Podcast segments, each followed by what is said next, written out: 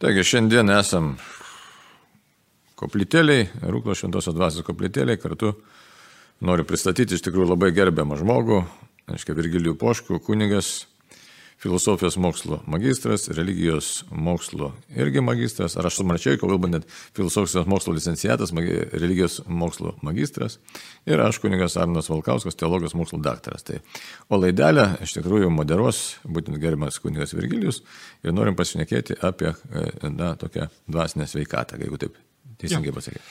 Vienas iš pagrindinių dalykų, su kuriuo mes susidurėm dvasiniam gyvenime, kad ateina laikas, kad mums pritrūksta tos dvasinės sveikatos. Tiesiog nuodėmė nugriauna mūsų gyvenimo dalį.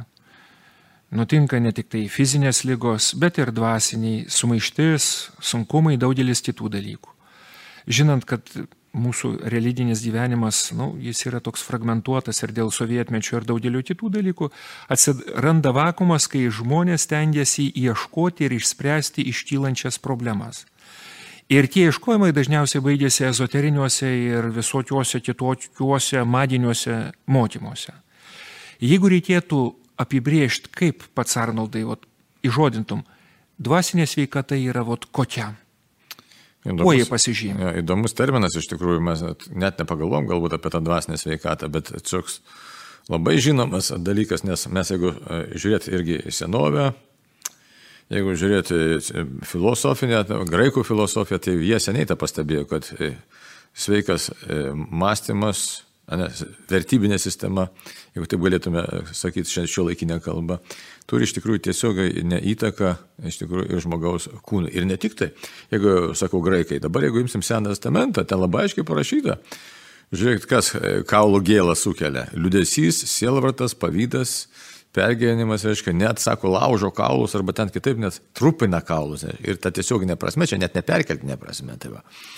tai dabar e, mūsų laikmečio dabar vėl atėjo tokie kiti terminai, kurie ir tinka krikščionėm ir nelabai tinka. Sakysim, dabar žinom apie tą psichosomatiką. Esam visi girdėję medicinoje, jau, jau jeigu nueini pas kokį, jau turbūt retas gydytojas to nevartoja to termino, kad sako, yra psichosomatika, ką tai reiškia, kad pirmiausia, kažkas už žmogaus galėtume įvairiai vadinti - psichika, siela, dvasia, čia aš dar kol kas nekalbu mhm. krikščioniškais terminais. Ne?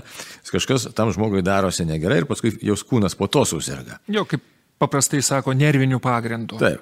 Paskui dabar jau girdim tokį terminą, kuris jau labai paplytęs, tai holistika, ne, kad visą žmogų reikia gydyti.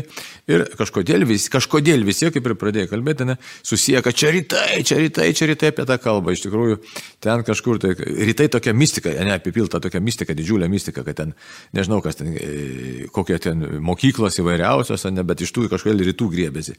Bet visi pamiršo, kad iš tikrųjų tai krikščionybė visą laiką apie tai kalbėjo, mes galbūt negirdėjom arba gal neaiškiai kalbėjo. Bet tikrai, kad yra ta dvasinė sveikata, tai kas ta dvasinė sveikata, nu, šiek tiek nutolu šoninė. Tai ta dvasinė sveikata, tai pirmiausia, kas teisingas pažinimas, aš sakyčiau. Teisingas savo tikslo, savo prasmės, savo gyvenimo kelio, savęs, net savęs pažinimas, čia labai tokie gilūs dalykai. Aš tai manyčiau, nes save pažinti, tai, nu kam, kam aš gyvenu ant žemės. Nes, aiškiai, vienas be tų dalykų, tai už tai prasideda toks ieškojimas, tai labai sudėtingas dalykas. Ar ne, ar ne taip? Aš pilnai sutinku su tuo dalyku, bet vienas toks dalykas yra, ar ne, reiškia, mums kaip tikėjime, visas mūsų tikėjimas susiveda į didįjį įsatymą ir tas didysis įsatymas išskiria tris dalykus - santykių su Dievu, santykių su kitu ir santykių su savim pačiu. Ir visa problema yra kokia, kad a, pažeidus nors vieną iš šitų santykių gaunasi galutinis rezultatas nekažikoks. Ir daugeliu atveju žmogus, kuris, tarkim ar ne, praktikuoja tikėjimą, dažniausiai galbūt nepilnai arba nesuvokdamas, arba dar tik tai pradėdamas tikėjimą, jis nori gauti rezultatą, kuris būtų labai konkrečiai ir apčiuopiamas. Tarkim, paimam tokį dalyką, yra pašvenčiamoji malonė. Ar ji yra emociškai pajaučiama? Iš karto galėtume sakyti ir taip ir ne, nes nu, visi mūsų poteriai, visi išgyvenimai, jie kažkiek siejasi su tuo, kad mes esam žmonės, sudaryti ir iš dvasios, ir iš kūno. Tačiau tuo pat metu atrodytų, nu padariau nuodėmį ir ką. Nu, sąžinė gal papriekaištavo, gal nepapriekaištavo, ne, ne bet pasiekmes tai didžiulės yra. Taip, čia mes kalbame tokį iš tikrųjų labai, e, apie tokį labai rimtą dalyką, peršokį vieną tokį, aš jau, kai pradėjau kalbėti, nepažinimą iškart perimtą ant gamtinę plotmę tokią. Jo, bet, bet vienas iš pagrindinių dalykų tikėjime ar ne yra mūsų santykis su Dievu. Be to mes niekaip negalėsim pasakyti, kas yra sveikata. Nes jeigu tik tai sakysim, kaip aš jaučiuosi, tai jau nu, nebėra dvasinė sveikata. Taip, tai bet turėtume tada atsakyti šitą vietą dar prieš tai, ne, kas yra žmogus. Tai labai sunkus klausimas, bet verta kelti ne vieną ir ne šimtą, bet tūkstančius kartų, gal kiekvieną rytą reikėtų klausti, kas yra žmogus, kas esu aš pats, ne šitas vat, žmogus, kuris, ką mes matome, žiūrėkit, pasimkim savo nuotraukėlės ir pamatysime nuo vaikystės iki dabar, tai net pažįstami atrodo išoriškai kažkokie tai žmonės, asmenys net pažįstami, o mintis, žiūrėkit, su amžiumi, kaip mes jaučiamės viduje. Sako, kojų nepavelko, ne, rankos nepa, nekyla, o viduje jaučiuosi jaunas ir tas pats, ne, tai, tai reiškia, ta žmogaus asme, asmens problema, jinai visą laiką išlieka. Tai kas yra žmogus, tai už tai ir nuodėmės savoka, kada ateina. Nuodėmės savoka ateina apie sutrikusių santykių su Dievu, tai pirmiausia, aš turim suprasti, kad man gyvybiškai reikia santykių su Dievu, gyvybiškai reikia. O tai aš turiu atsakyti klausimą, kas aš esu, tai reiškia, nesu toks kažkoks tai gyvulėlis ar kažkoks darinėlis, ne, tai štai tas žmogaus gyvenimo ir prasmės klausimas labai svarbus ir, ir gėrio blogio klausimas, klausimai yra labai svarbus. Ir tada atsiranda tas klausimas, kas tas gėris, kas tas blogis. Ir be santykio gėrio ir blogio mes nesuprasim. Tai už tai santykis su Dievu, tai reiškia, kas yra nuodėmė. Nes labai kartais labai taip primityviai apie nuodėmę e, galvojam, kad čia padariau gerą, blogą, ne, ir kokias pasiekmes, kad kaip minėjai, gal neturi tų pasiekmių, bet iš tikrųjų tai turi tas pasiekmes didžiulės. Ir tokias pasiekmes, kurių mes, nes kartais viską sumetam teisingai, ypač šio laiko žmonės ką sumeta. Kaip aš jaučiuosi, gerai, blogai, ne? Ir tuoj pat pasiekmes gali būti po keliolikos metų arba po keliasdešimt metų. Ir jeigu žiūrėt iš tikrųjų realiai žmogų, tai kokia žmogus yra būtis pirmiausia, ne dvasinė ar fizinė. Tai aišku, žinai, kūnė esame, bet kūnė savotiškai galėtume įvairiai vardina filosofiją, sakysim, net e, ypač graikišką, net tai ką sakytų, įkalintas žmogus kūnė, reiškia, taip pat rytiečiai net tie patys ten galim pažiūrėti ant tos rytų visokios religijos, nes tapmeldiškos, bet sako, čia kalinys esam, reikia išsilaisvinti iš to kūno. Krikščionybė atvirkščiai, sako, mes tam kūne galim išreikšti savo sielą ir einam prisikėlimo keliu, bet kad tam prisikėlimo kelio netrukdytų e, blogis, tai turi vengti nuodėmės, o kad išvengti nuodėmės įmanoma tik tai klausant Dievo. Tai čia toks apie dvasinę sveikatą už tai kalbant, tai yra klausimas toks, kad ar aš pažįstu save kaip žmogų, kuriam ir gyvybiškai reikia to santykių su Dievu ir kuris iš tikrųjų nori klausyti Dievo, nes mes paprastai klausom kažko kito. Ir tikrai aš galvoju, šio laikmečio, net galbūt abstrakčiai taip suabsoliutinu, bet šio laikmečio žmonės mes labiausiai norim klausyti kažko kito. Galbūt ir visais laikais tai buvo sunku pasakyti. Aš greičiausiai galvoju, kad visais laikais, nes nu, yra toks e, humoristinis klausimas. Sako, ar žinai, kas yra stipresnis už Dievą? Praktiškai. Teoriškai niekas, nes Dievas yra stipriausias, o praktiškai savijauta. Tai o čia labai gerai. Savijauta pasakys šiandien melstis, melsiuos, savijauta pasakys šiandien mažiau melstis, mažiau melsiuos, šiandien savijauta pasakys, kad man reikia truputį savęs pagailėti, pagailėsiu savęs. Ir va čia iš tikrųjų be galo svarbus dalykas yra suvokimas, kad kol mes nesusigaudysim, kas vyksta mumise, mūsų jausmuose ir kituose dalykuose, mes nesuvoksim iš tikrųjų, kad tai, ką kalba krikščionybė apie nuodėmę, apie kitus dalykus, kad nuodėmė yra realiai vadis, kuri atima sveikatą. O kartu su sveikata ateina, atimami daugelis dalykų, pavyzdžiui, ramybės neturėjimas. Bet čia labai įdomu, gal, gal galėtum truputį ir paaiškinti nuodėmę, kaip jin atima, ne? nes čia malonės dėmo įsiveda. Jo, nu paimtim tokį kasdieninį dalyką, kuriam daugiau ar mažiau esam pakliuvę kiekvienas. Pasakojam tikrą tikrovišką įvykį, kuriame mes dalyvaujam, liudijam. Ir truputį, truputį pagražinam situaciją, nu kažkokią tai, sakykime, momentą. Ir dinksta ramybė. Nes pagražinai situaciją, kurioje tu nesi. Liaudiškai kalbant, truputį išsiputėjai, liaudis tai sako, pučiasi kaip varlė prieš jautę. Šitų parodėjai, kad esi didesnis, negu iš tikrųjų tavo tikros ribos yra ir dinksta ramybė. Nes ateina melo dvasia. Ir melo dvasia, ir tu nesi tuo. Automatiškai dinksta ramybė. Ir kas įdomiausia yra, va, tarkim ar ne, vienas iš tokių mano mėgstamų pastebėjimų yra, kad nežinau, kodėl Dievas sugalvojo trečių Dievo įsakymų pasakyti, kad reikia švęsti. Juk, tarkim, vėl paimkim savo patirtį. Jeigu reikėtų dešimt patarimų pasakyti savo draugams prieš mirtį, nu, tikrai vargu ar trečių numerių sakytume, nepamiršk švęsti. O toks įdomus pastebėjimas - džiaugsmas parodo, džiaugsmas yra vienas iš pačių jautriausių dalykų nuodėmiai. Pavyzdžiui, jeigu mes džiaugiamės, ateina blogis ir iškart matai, kaip tas džiaugsmas dinksta. Bet jeigu širdį yra neramybė ir ateina blogis, tu to blogio net nepastebės, nes ar taip ar taip neramu širdį yra. Mhm. Ir tai nėra dvasinė sveikata, čia įdomi, labai, čia labai gili tema, mes jau šiandien įsiamsime, bet kiek įmanom prisilies bent truputėlį, paskui Taip, bet be galo svarbus dalykas yra, kad mes galėtumėm pasidalinti ir pas, tiesiog tiek, tiek su Dievas duo šviesos parodyti, kad ta dvasinė sveikata, kurios ieško daugelį kitų ir klaidingų mokymų, ji visa yra krikščionybei. Ir, ir netgi tos maldos, ir atgailos, ir įvairios praktikos. Ir meditacijos. Ir meditacijos, ir daugelis kitų dalykų. Ir nereikia mums labai lengvai atiduoti visų šitų dalykų ir nurašyti ir pasakyti, kad nu kažkokiu būdu. Nes tas patarimas, kuris kartais gali susidaryti paprastam žmogui, kai paviršutiniškai yra pasakoma, kad ateina žmogus su problemom ir jam pasakoma, nueik pasimelsk jis ne, ne iki galo žino, ką reiškia melstis ir ta malda jį būna įvairi. Ji gali būti lūpose, ji gali būti paliesti ir širdį, ir jausminga, ir kartais tiesiog nu, labai skausminga. Čia labai įdomi tema, nes aš tokį galim būtų, na, tokį apibendrinimą šiek tiek ne padaryti. Uh mhm. -huh. Šiandienis žmogus iš tikrųjų yra pasimetęs, pasiklydęs tikėjime. Ir tikėjimuose, galėtume sakyti, nes nerado savęs, E, dėl įvairių priežasčių čia, ne dėl komunizmas, e, šitas konsumizmas, nu, vartotojiškumas, ta prasme, liberalizmas, daug tokių dalykų padarė taip, kad žmogui visos tiesos pasidarė panašios, vienodos ir jis nežino, ką jam pasirinkti, jis pasiklydęs. Ir čia tiesiog yra faktas. Tai dabar kalbant ir apie tos, aiškiai, visokias pagalbos priemonės, kaip dabar kalbam apie dvasinę sveikatą, žmogus intuityviai viduje jaučia, nes žmogus tai protingas yra kad tikrai man reikia dvasinės veikatos, reikia, o kur ją rasti. Ir prasideda tas toks ieškojimas visur aplinkui. Ir kaip sakai dabar, ten meditacija ar malda, jisai galvoja, na štai, ypatingai, dabar net ir, kiek paskaičiau, psichiatrijos, sakysim, knygelį vairiausių ir kokie pasiūlymai ateina labai įdomus. Tai užsimkit ypač nerimo, kas e, kenčia šitom panikos atakom. Užsimkite, tai reiškia meditacija joga. Visi galvo, kad meditacija susijusi su joga, čia kaip pavyzdys, ne? Mhm.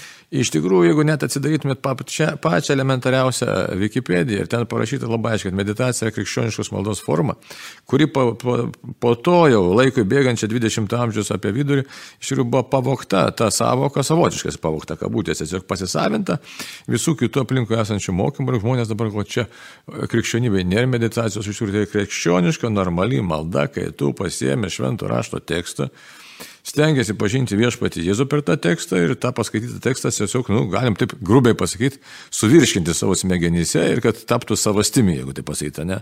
Savastimi tai, kaip minėjai savo kitoje laidoje apie maldą, kad paliestų mano širdį. Tai čia yra dvasinė sveikata, kai aš valgau šventą rašto tekstą ir savotiškai galvoju apie jį ir tada suprantu, nu, kas yra žmogus, ką reiškia ten būti žmogum, ką reiškia Jėzaus asmo, nu taip, žodžiu, žodžiu pradėti tikėjimo kelionę. Tai štai, o ką reiškia tikėjimo kelionė? Tikėjimo kelionė tai yra kelionė į santykį, tikrą santykį su Dievu, tai čia galim pradėti Tai apie tą dvasinę sveikatą. Tai užtiltas pavoktų labai daug savokų ir iš tikrųjų vien dėl mūsų, čia nieko nereikia per daug kaltinti, bet tiesiog dėl mūsų esamos situacijos. Jo, ir kaip ir visą kelionę pradedam nuo savo patirties ir be galo svarbu yra atsakyti klausimą, ar man yra gera būti su Dievu.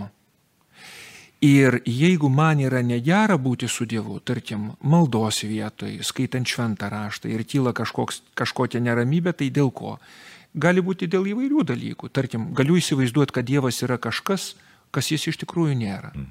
Nes nu, viena iš didžiausių kliučių yra netikėjimas, kad Dievas myli. Bet dar kita savybė labai svarbi irgi šiandien. Visi mes labai skubam. Ne? Taip. O dvasiniam gyvenime skubėti pasirodo neišeina. Jo, bet senoviai būtų taip, kaip čia pasakyti, būtų, būtų tokių labai išmintingų posakių, kad maldoj turi atitirpti. O visi žinom, kad kas užtirpo, tas turi atitirpti. Ir malda turi užtrukti. Todėl čia iškart turėtume pasakyti, kad ir atsiprašyti už galbūt kartais mūsų ar kolegų tiesiog e, skubotai pasakytus dalykus, kad malda turi būti trumpa. Mm, buvimas su Dievu jis neturi būti trumpas. Nes tas užtirpimo ar atitirpimo man patinka toks įvaizdis.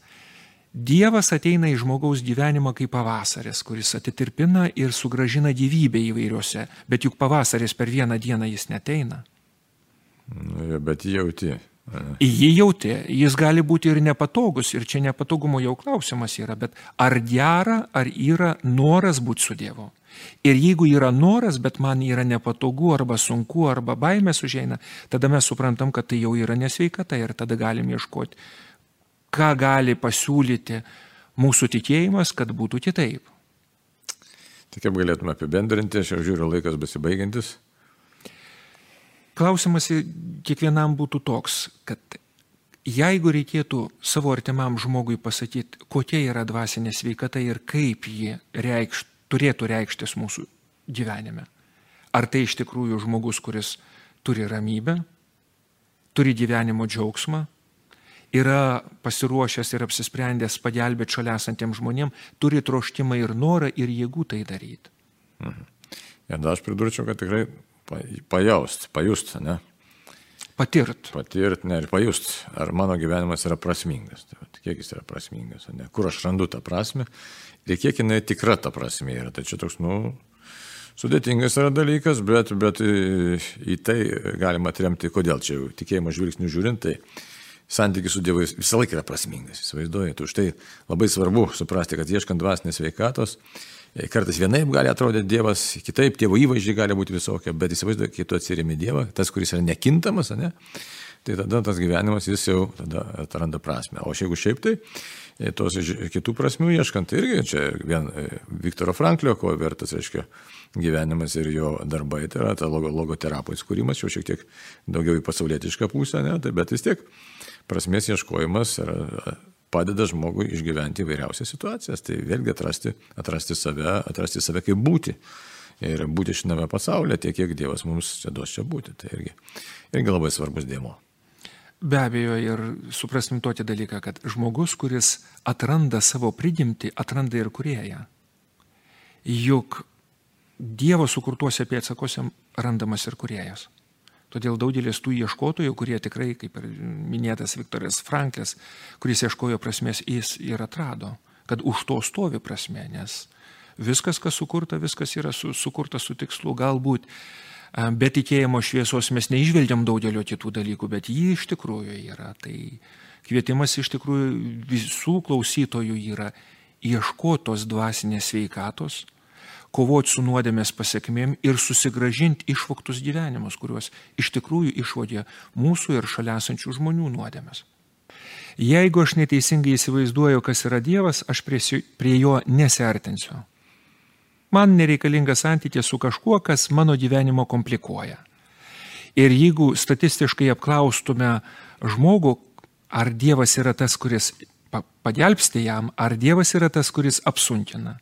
Hmm didžioji dalis vargu ar atsakytų, kad Dievas yra labiau kaip vaistas, o ne kaip iš tikrųjų gyvenimo komplikacija. Ir pavyzdžiui, įsivaizduotim tokį dalyką, jeigu mes įsivaizduojam Dievą kaip greitąją pagalbą, tai jį kviesim tik tada, kai bus didžiulė bėda. Įsileisti į savo kasdieninį gyvenimą, kuriame nėra didelių problemų, vėl kam? Greitosios nekviečiam tada, kada nėra didelės problemos. Kaip pats matai, kas galėtų pagelbėti labai konkrečiai ir praktiškai šitoj srityje?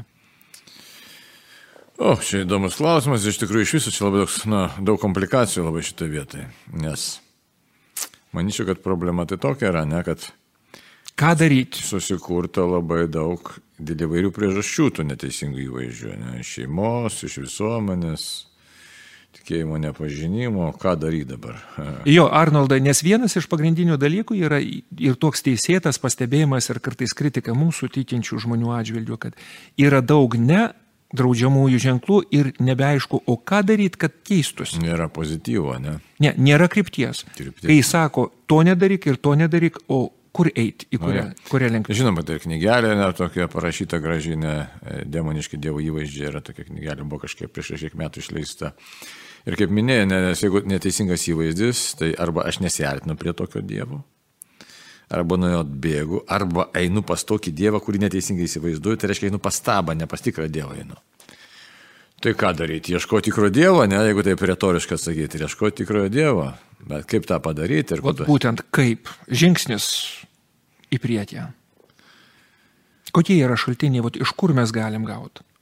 Na, žinai, teoriškai tai nesunku pasakyti, žinai, yra Yra tradicija bažnyčios, yra šventas raštas, yra bažnyčios mokymas, daug teologinių veikalų parašyta, ne? tai nėra, tai, tai teoriškai, bet jeigu žmogui taip realiai šnekant, tai aišku, kuris vairuoja, sakysim, autobusą, ar ten troleibus, ar statybose dirba, ar kažkokį kitą darbą daro ir grįžta vakare namo ir sako, aš noriu realiai pabendrauti su Dievu, tai nėra paprasta, iš tikrųjų, tikrai nėra paprasta. Tai tokio vienareikšmiško recepto šiandien, kokio greituoju būdu aš net nepasakyčiau, aišku, galima būtų, kai susitinkė su žmonėm, nu, pastoracija pažinė, ne. Tai tada pravesti maldelę ir kartu pasimelsti. Vienas iš labai efektyvių, aš taip tiesiog dabar nu, propaguoju tą ir praktikuojam tą. Tiesiog kartu pasimelsti su žmogum, kad vietoj tų paaiškinimų, kad eik ir pasimelstant, tai žinai, tai ten nu, tuščias reikalas yra. Nes patirtis, kaip žinoma, ne, patirtis praktika, jinai labai daug duoda. Tai. Bet kad man pačiam ateiti iki tos patirties, nes mes metais nešamės tą bagažą iš tikrųjų. Ta, savo tėvų, ten, protėvių bagažą, neteisingo Dievo supratimų. Ir, pavyzdžiui, mano negos patirtis, kad Dievas yra kažkoks rustokas toks, nu ir iš dalies baudžiantis Dievas, kuris, nu, kuris, nu, pas kurį, kaip ir minėjai, taip, žinai, nu, kažkaip baisoka ateiti. Ir kad įvirtų, įvyktų tas virsmas, net nežinau, kur širdį, prote, nu tai reikia pakankamai net nežinau, ir kančios kelio, ir ieškojimo kelio, ir švento rašto labai daug dalykų reikia. Nes net kai tu skaitai teoriškai, pavyzdžiui, ne, mes kunigai, nu tai žinoma, teoriškai pasiskaitai, sakysime, kokią 23 psalmę viešpas mano ganytas, man nieko nestrūksta, žaliuose pievais man negulda ir taip toliau. Nuostabu atrodo, bet ne, nekalba į širdį. Reiškia, tiek yra įsisenėję tie neteisingi Dievo įvaizdžiai, kad tiesiog tave kažkokios grinapusės, kaip traukia žemyn, žinai. Būtent. Juk įsivaizduotum tokį dalyką, jeigu įsivaizduojam, kad Dievas yra šaltas kaip ledas ir jam nelabai rūpi ir mes jam sakom, o tu prisileisk Dievo arti, tu glausk prie savo širdies, tai jam plaučių uždegimas garantuotas yra, nes jis įsivaizduoja, kad jis tą vardingą savo gyvenimą dar labiau apsunkina. Nu taip, ir baudžiantis Dievas. Ne? Man taip asmeniškai, kas man labai padėjo, virsmą didžiulį tokį širdį padarė, tai dykumos tėvų ta skaitimas praktika, žinai, nes ten tokie visai net nesakyčiau, net netaip, nu, neseniai, net iš viso skaitant, skaitant, skaitant, klausantis, skaitant įvairiai būdais, reiškia. Tai tas jų patarimas, reiškia, apie tą hezikastinę, nu, čia sudėtingas pavadinimas tiek to, tą Jėzaus maldą, ne, kad viešpatį Jėzaus Kristo gyvo Dievus, nu, pasigailėk manęs, bet Čia dar ne viskas, čia yra tokia, gali su tą maldelę ir nieko bendro nesusijęti. Yra kit, man labai kitas principas padėjo. Tu kalbėk su Dievu, kuris tikrai yra tavyje, nes per krikštą gavai šventą dvasę. Tai vienas dalykas. Ir ta technika tokia paprasta, ten yra aiška technika, bet kiek kam padės, nepadės, nežinau. Bet ką, ką jie patarė? Nusi, nusiramint, nusiteik, kad tikrai Dieve tu esi ne kažkur tai ten, bet esi manyje. Ir aš galiu su tam šnekėtis. Ir aiškiai, jie ką patarė dykumų dievą, ne? Kažkodėl, tai nežinau kodėl, reiškia, bet koncentruoti savo žvilgsnį, minties žvilgsnį, ne, virš kairio spenelio ir tiesiog, tiesiog sakyti, kad Dieve, tu esi manyje mano viduje ir tada su šito kalbėti konkrečiai su Jėzumi, ne su kažkokiu abstrakčiu Dievu, bet kalbėti su Jėzumi. Jeigu dar praplečiant, Ignacas Lojola ką prie tos pridėjo, prie tos tokio praktikos, ne ką jis pridėjo, kad turi būtinai nusiteikti viduje, kad Dieve aš esu tavo akivaizdoje, ne? tu mane myli, bet ne per daug net neišplėsant, aš esu tavo akivaizdoje, manyje yra šventoji dvasia, šventoji dvasia melskis manyje ir tada aš noriu su tavim pasišnekėti viešpatė ir noriu spręsti savo gyvenimo klausimus tavim kaip su geriausiu draugu. Čia, aišku, nieko naujo aš nepasakau, bet tie dalykai kaip užmiršti, sakysim, tokia ikona yra. Jėzus mano draugas. Ir jeigu pamatysit, kad labai sena ikona, nežinau, kokio tam amžiaus, neatsimenu, bijau klaidinti.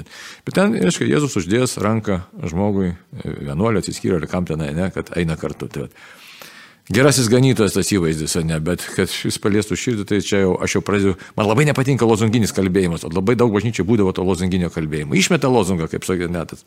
Ir jis, jis negeras toks kalbėjimas, bet kad širdį paliestų, aš jau praktiškai kalbu, tai sakau, viešpatie, tu esi manėje, noriu su tam pašnekėti. Tai man tai tas veikia, kaip kam kitam, gal kitam kokia kita metodika, arba dar kas nors ką nors pasakys.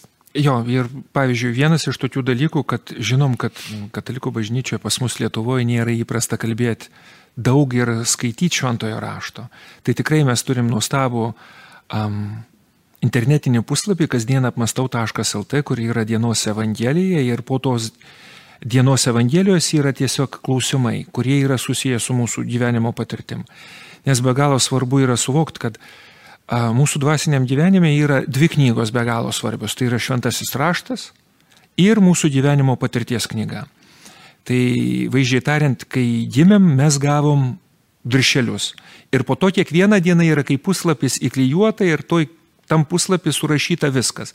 Mintis, jausmai, išgyvenimai, patirtis ir šiai dienai tikrovę matom, todėl kad ten visa tai yra surašyta.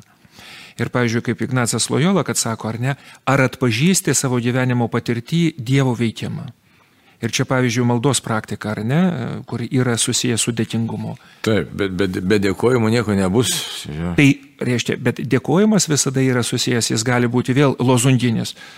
Ačiū už tai ir už tai, nors tikrovėje aš to dalyko nepatyriau ir nemačiau. Taip saulė šiandien švietė, bet buvau taip užsiemęs, kad nemačiau jos. Gal kartais ir matai, bet matai, čia toks yra įdomus dalykas su to dėkojimu. Štai reiškia, dabar galėtumėt struktūriškai biškai paryškinti reikalą, mhm. ne?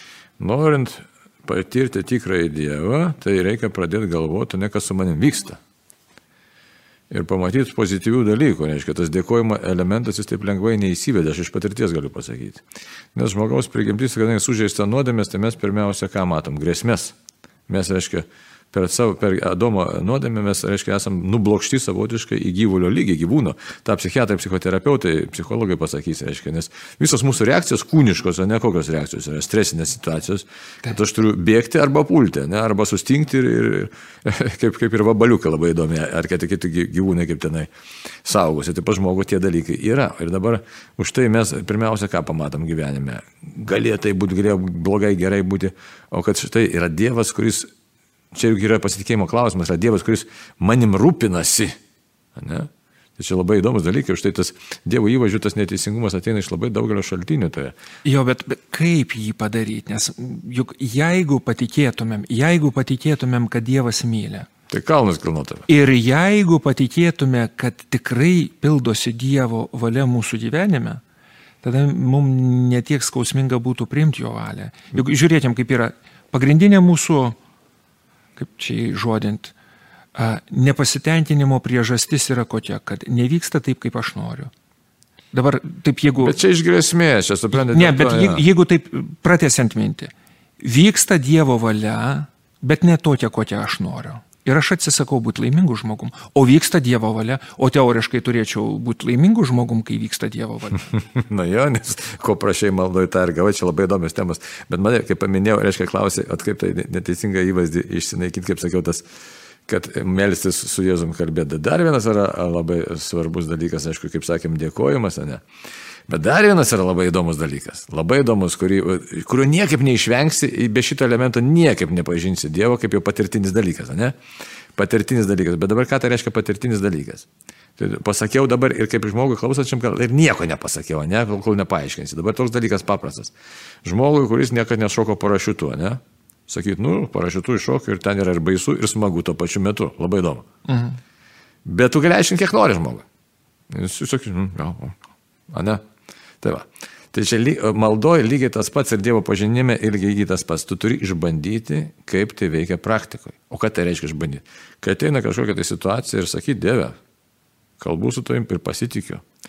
Ir, ir tiesiog, vat, grinai, tas šuolis turi vykti, tas tikėjimo šuolis, jis tai yra praktinis tikėjimo šuolis, kuris duoda rezultatą. Ir kai atsiranda vis daugiau tokių patirčių, štai Ignaco tas kalbėjimas, ne, tai nebėra jokia e, teorija, tai yra gana praktika, tai štai ir tada gyvenimas keičiasi. Ir todėl labai sunku susišnekėti žmogui, kuris ne, niekada ne, nebandė to reiškia ir kuris bandė reiškia, nes tu kalbėjai skirtingo visiškai kalbomis. Tai va. ir aš manau, kad vienas iš tokių iššūkių, su kuriais tikrai mums reikės kaip tikintiems žmonėms susigrumt, kad įvairios kitos praktikos, ką jos pasiūlo? Jos pasiūlo grupės, kuriuose tam tikri metodai yra praktikuojami. Tarkim, ar kūno padėtis, ar dar kas nors. O pas mus dėje, bet tų tokių bendruomeninių praktikų, tarkim, kad ir dėkojimo praktikų, be noro pasirodyti, bet paliudyti iš tikrųjų, kad pažįstu, kaip Dievas veikia. Nėra taip ir daug. Tai sakyčiau, kad labai mažai. Ir matai, kas yra teisingai, labai geras, geras pastebėjimas. Ne, nepasiūlom praktinių dalykų arba susikūrė tokios maldos pseudo grupelės, net, net pseudo, sakyčiau, kur dominuoja emocijos visokiausios, perkrautos emocijos, visi įsivaizduoja, o tikros Dievo patirties nėra ir trūksta tokios pavadovauti. Dabar, sakysim, kaip paminėtas grupės, sakysim, AA, anoniminio alkoholiko, ne? e, judėjimas, pavadinkim šitaip. Ten dabar jisai yra nukrypęs yra ir Vatikanas tam dokumente gyvo, Kristus gyvo vandens nešėjas perspėja, kad savipagalbos grupės, ne, jos rizikuoja patapti stapmeldiškomis grupėms. Kodėl? Už tai, kad kuriejai Bibas ir Bobas ir Bylas reiškia, ką jie darė. Jie labai aiškiai įvardino, ne, aš esu alkoholikas, aš nieko negaliu ir tik Dievas man gali padėti. Ne kažkokia jėga ten dar ant gam, Tik Dievas man gali padėti. Paskui ten das, nu, nu šitą jau ne va pataikaudami kažkam, tai kad neįsižeistų dėl Jėzaus to. Anu, jo, polio. Taip tada padarė, kad nereikia mums minėti Dievo, aukštesnė jėga minėti. O iš tikrųjų tai buvo, aš esu alkoholikas, aš nieko negaliu ir tik Dievas man gali padėti. Bet kodėl, kodėl šitą miniu, čia labai geras pavyzdys. Čia yra praktinis dalykas, kai tu, būdamas bėdoj, nerasdamas savęs, nerasdamas iš vis nieko, Dievo nerasdamas, tu jau nebeturi kur eiti ir tada prašai Dievę gelbėti, ateina Dievo, tikrojo, tikrojo Dievo patirtis ateina, kuris iš tikrųjų ir gelbė. O šventasis rašas sako, kas yra Dievas gelbėtojas. Ja, ir čia labai svarbus dalykas yra, kad galėtumėm paminėti apie tą dalyką, kaip atgauti sveikatą ir kaip pažinti tikrą Dievą atpažinti ir pripažinti savo nuodėmės. Blogį, kurį sukūrėm mes patys Bet čia įdomu labai ir nenurašyti savęs. Jo, bet kalba o. eina apie tai, kad juk žiūrėtum kaip yra, kad atgaila yra ne tada, kai mes aimanuojam ir sakom, kad, nu, kaip aš čia taip. Juk kaip liaudės išmintis, kad sako, ir šventųjų išmintis, kad sako, jeigu ne Dievo malonė, tu ne to dar būtum padaręs. Tik Dievo gailestingumas sulaikė nuo didesnių nuodėmių, kurios neištiko tavo gyvenime. Bet kalba eina apie tai, kad jeigu aš patikiu save Dievui ir šaukiuosi Dievę gelbėk, nes man yra bloga, čia man labai prisimena žemaičių liaudės išmintis, kuris sako, kad durnumas turi skaudėti. Ir kai pradeda sopėti tas jau durnumas liaudiškai kalbant ar nereiškia, žmogus tada sako, jau nebegaliu ištverti. Ir tada jis gali šauktis Dievo. Ir tas kančios ir skausmo patirtis be galo yra svarbi, kad jeigu sugebėsim paliudit, kad tikim į Dievą, kuriam rūpi kenčiančio žmogaus likimas. Nes psalmėse nuolat yra tokio šauksmas, kad nu, yra be galo sunku, be galo blogai, puola priešai, nėra sveikatos ir daugelio kitų, Dieve skubėk. Čia tarsi Dievas neskubėtų, bet žmogus neturi kantrybės, tiesiog jis šaukia. Tai vat tas atgailos momentas, apgailestavimas ir suvokimas, kad ten nėra gyvenimo. Tai žinai, kalbant apie tą Dievo pažinimą, tai dvasinė sveikata, nes čia susiję dalykai, ne? Tai mes žinom, kad žmonija, net toks Dievus ignotus reiškia, reiškia, nežinomas Dievas, tas buvo, reiškia, įvardinimas ir filosofija, ir paskui šventam rašte. Tai dabar nežinomas Dievas save apreiškia, jeigu taip apibendrinta, nepasakyti. Nežinomas šitas Dievas save apreiškia realiai per asmenį Jėzų Kristų. Tai kai mes dabar ir nerandam e, Dievo teisingo to santykio savo e, su Dievu santykio, tai reiktų neišsigąsti, aš sakyčiau. Neišsigąsti, prašy Dievę, padėk man pažinti tave, Jėzau.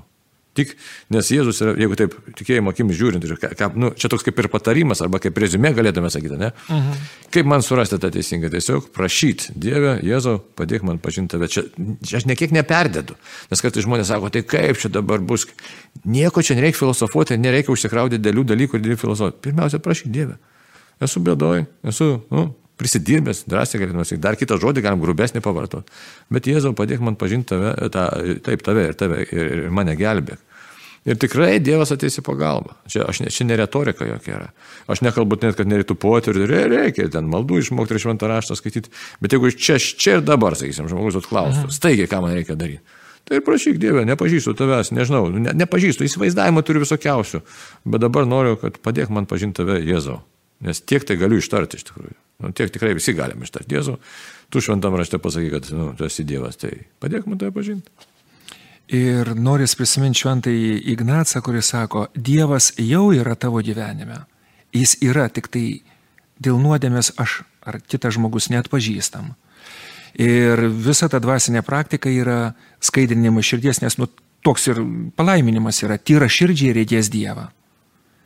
Tai mūsų užduotis ir yra iš tikrųjų atpažinti tikroviai Dievą, kuris myli ir kuriam tikrai rūpi mūsų tas likimas. Bet ir čia reikia žinot, kad be Dievo veikimų mes nepažinsim Dievą. Tai už tai tiesiog, na, baigiant, negalim pasakyti, na, Jėzau, esam bėdoj ir nebijom to pasakyti, padėk mums pažinti tave ir gelbėk mus. Ir daryk greitai tai. nu, irgi neblogai. tai ką tam? Ačiū Dievui. Ačiū Dievui. Amen. Amen.